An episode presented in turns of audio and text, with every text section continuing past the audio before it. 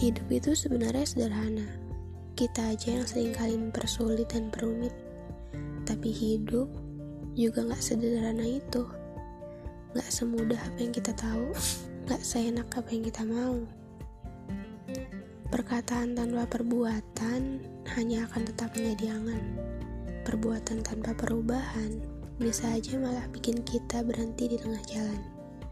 Dan perlu tindakan nyata, bukan sebatas kata-kata. Kita perlu komitmen, diri kesabaran. Semakin hari, serta berjalannya waktu, kita akan dipaksa untuk memilih.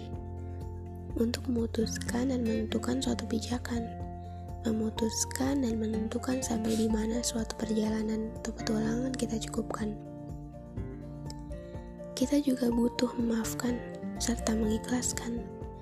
Gak begitu aja melupakan apa yang telah dilewatkan.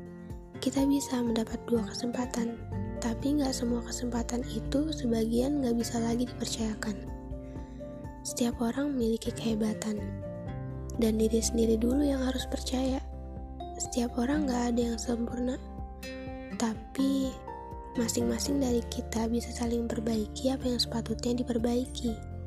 Bisa memahami apa yang seharusnya masih bisa kita pahami tanpa ada yang tersakiti. Jangan pernah membenci diri sendiri ya.